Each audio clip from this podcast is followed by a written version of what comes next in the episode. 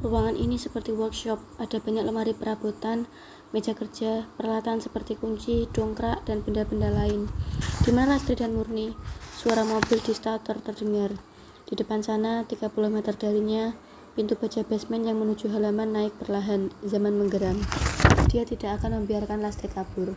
Sudut matanya melihat kotak kendali otomatis pintu basement di dinding. Dia tidak bisa menghentikan mobil itu, tapi dia bisa menghentikan pintu basement terbuka. Zaman meraih kunci Inggris besar di atas meja, lompat menghantamkannya ke kotak kendali. Percikan api menyembur. Pintu otomatis rusak. Pintu baja basement terdebam turun, langsung mengunci. Juga tutup besi di lantai atas juga terkunci dari dalam, hanya bisa dibuka dari luar. Mobil yang dikendarai Murni dan Lastri yang bersiap melesat meninggalkan basement terhenti. Basement itu telah tertutup sempurna dengan rusaknya kotak kendali otomatis. Zaman melemparkan kunci Inggris besar ke lantai, bergelontangan. Kemudian melangkah mendekati mobil itu. Saatnya melumpuhkan Lastri dan Ningrum. Tetapi gerakannya terhenti. Persis di sebelah kanannya, sekitar 10 meter, dia melihat kerangkeng besi berbentuk kubus dengan sisi 2 meter. Di situlah setelah muta dikurung.